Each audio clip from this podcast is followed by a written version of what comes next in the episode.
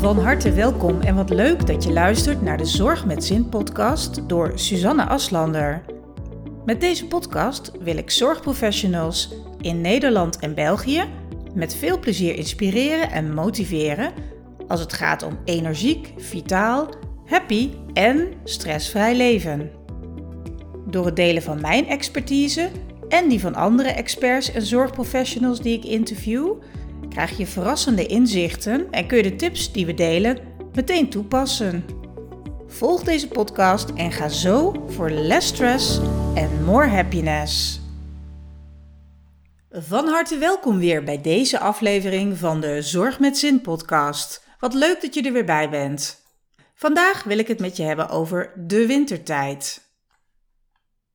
En daarmee bedoel ik natuurlijk de klok die dit weekend een uur is teruggezet. Wist je dat de wintertijd eigenlijk onze normale tijd is? Want ergens in de jaren 70 is het concept zomertijd pas ingevoerd. En dat is geweest vanuit een stuk kostenbesparing en uh, ja, daarbij ging het vooral om elektriciteit. Ja, nu denk je waarschijnlijk, ja, wat maakt dat ene uurtje nu uit? Maar feit is dat je biologische klok en uh, dus ook je hormonen hierdoor tijdelijk van slag zijn. En deze omstelling, hoe klein ook, heeft direct invloed op je hormoonhuishouding. En dus ook op je body en mind. En zeker ook op je mind. Het uh, kan ja, bijvoorbeeld leiden tot symptomen als uh, vermoeidheid, spijsverteringsstoornissen, maar natuurlijk ook problemen met ja, inslapen. Hè? Studies suggereren dat er ook gevolgen en risico's verder voor je gezondheid zijn. Zo neemt het risico op hartaanvallen en beroertes schijnbaar toe in de twee weken na de verandering. En daarnaast ja, heb je natuurlijk ook te maken met mentale klachten als je pech hebt. Hè?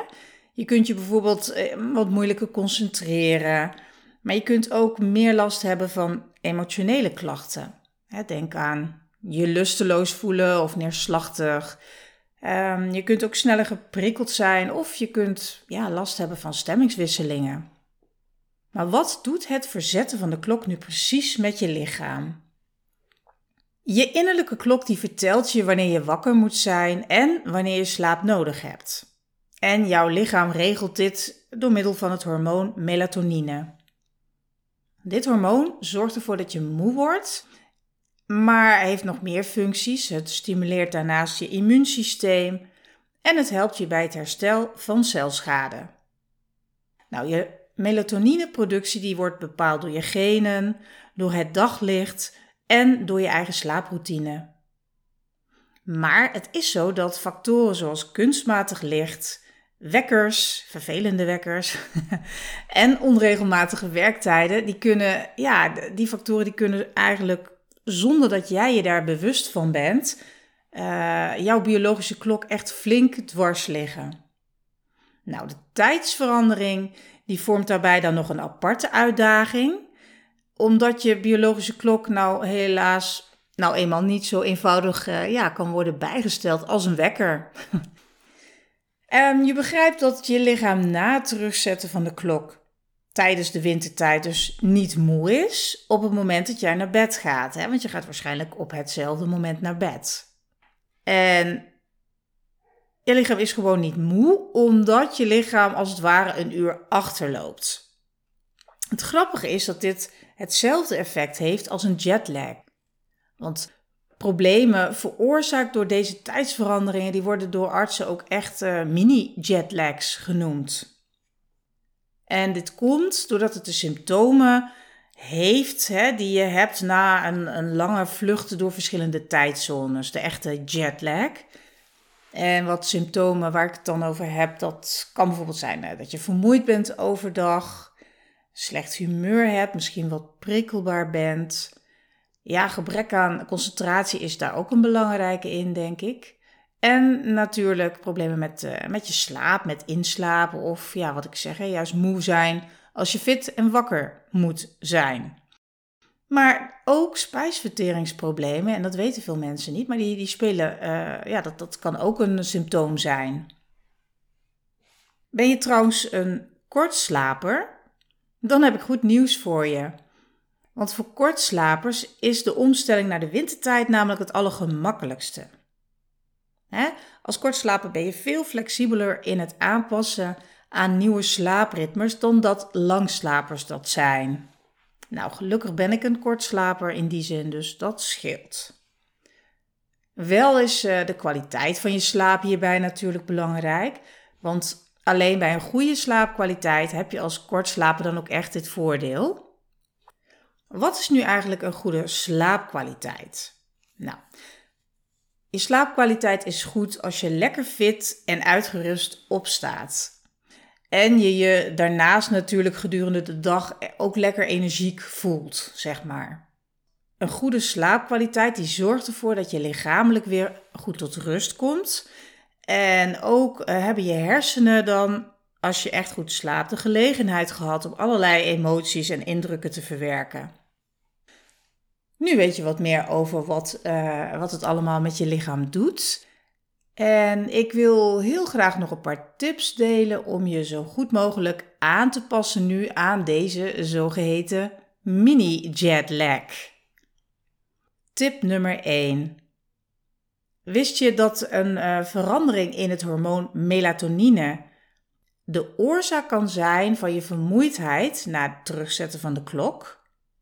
Maar ook het feit dat je ochtends nog moeilijker uit je bed komt, hangt natuurlijk samen met dit hormoon. En dat komt omdat we overdag nu hè, in de wintertijd minder daglicht zien en het ochtends ook later licht wordt. Tip nummer 2. Voor jouw bioritme is licht gewoon essentieel. Hou daar nu in de wintertijd even extra rekening mee. Moet je vroeg opstaan voordat het buiten licht wordt, dan is een daglichtlamp misschien echt iets voor jou. Ik zou zeggen, probeer het eens uit, want dat is een, ja, een hele fijne manier om rustig wakker te worden. Tip nummer 3. Je moet er ook voor zorgen dat je slaapkamer goed donker is. Want in een donkere ruimte slaap je gewoon het allerbeste. En ja, heb je bijvoorbeeld licht dat van buiten naar binnen schijnt in je slaapkamer? Hè? Denk aan een straatlantaarn uh, of autolampen, zeg maar. Hè? Als je in een straat woont waar de autolampen op je kamer schijnen, dan ja, zou ik echt verduisterende gordijnen of, of luiken of iets adviseren. Want dat levert je echt ontzettend veel op. Een veel betere nachtrust. Want dat licht heeft, hoe je het ook went of verkeerd, toch invloed. Tip nummer 4. Zorg ervoor dat je s'avonds dus in een donkere slaapkamer gaat slapen, maar s ochtends wil je juist weer wakker worden met licht. En ja, door de wintertijd wordt dat voor veel mensen gewoon erg lastig. Ook daarvoor is zo'n daglichtlamp ideaal om daarmee wakker te worden op het moment dat jouw kamer echt ontzettend donker is. En ook in de wintertijd natuurlijk. Ik heb ook zo'n daglichtlamp een hele poos gebruikt. En ik vond het echt, ja, ontzettend fijn. Omdat het heel langzaam eigenlijk de natuurlijke zonsopgang nabootst. En uh, ja, dan word je gewoon heel ontspannen en heel rustig wakker. Dus echt een aanrader. Tip nummer 5. Ook met voeding kun je iets doen als het gaat eigenlijk om dat stukje mini-jetlag te verminderen. Hè? Het is belangrijk dat je ja, deze eerste dagen na het omzetten van de klok s'avonds liefst zo licht mogelijke maaltijden eet. Uh, dat, dat, ja, dat schijnt, dat is, is gewoon uh, onderzocht en dat schijnt gewoon echt uh, ervoor te zorgen dat je ook beter kunt gaan slapen s'avonds. Tip nummer 6. Vermijd alcohol, koffie of andere stimulerende dranken. Hè. Denk aan uh, ja, Red Bull en dat soort spul.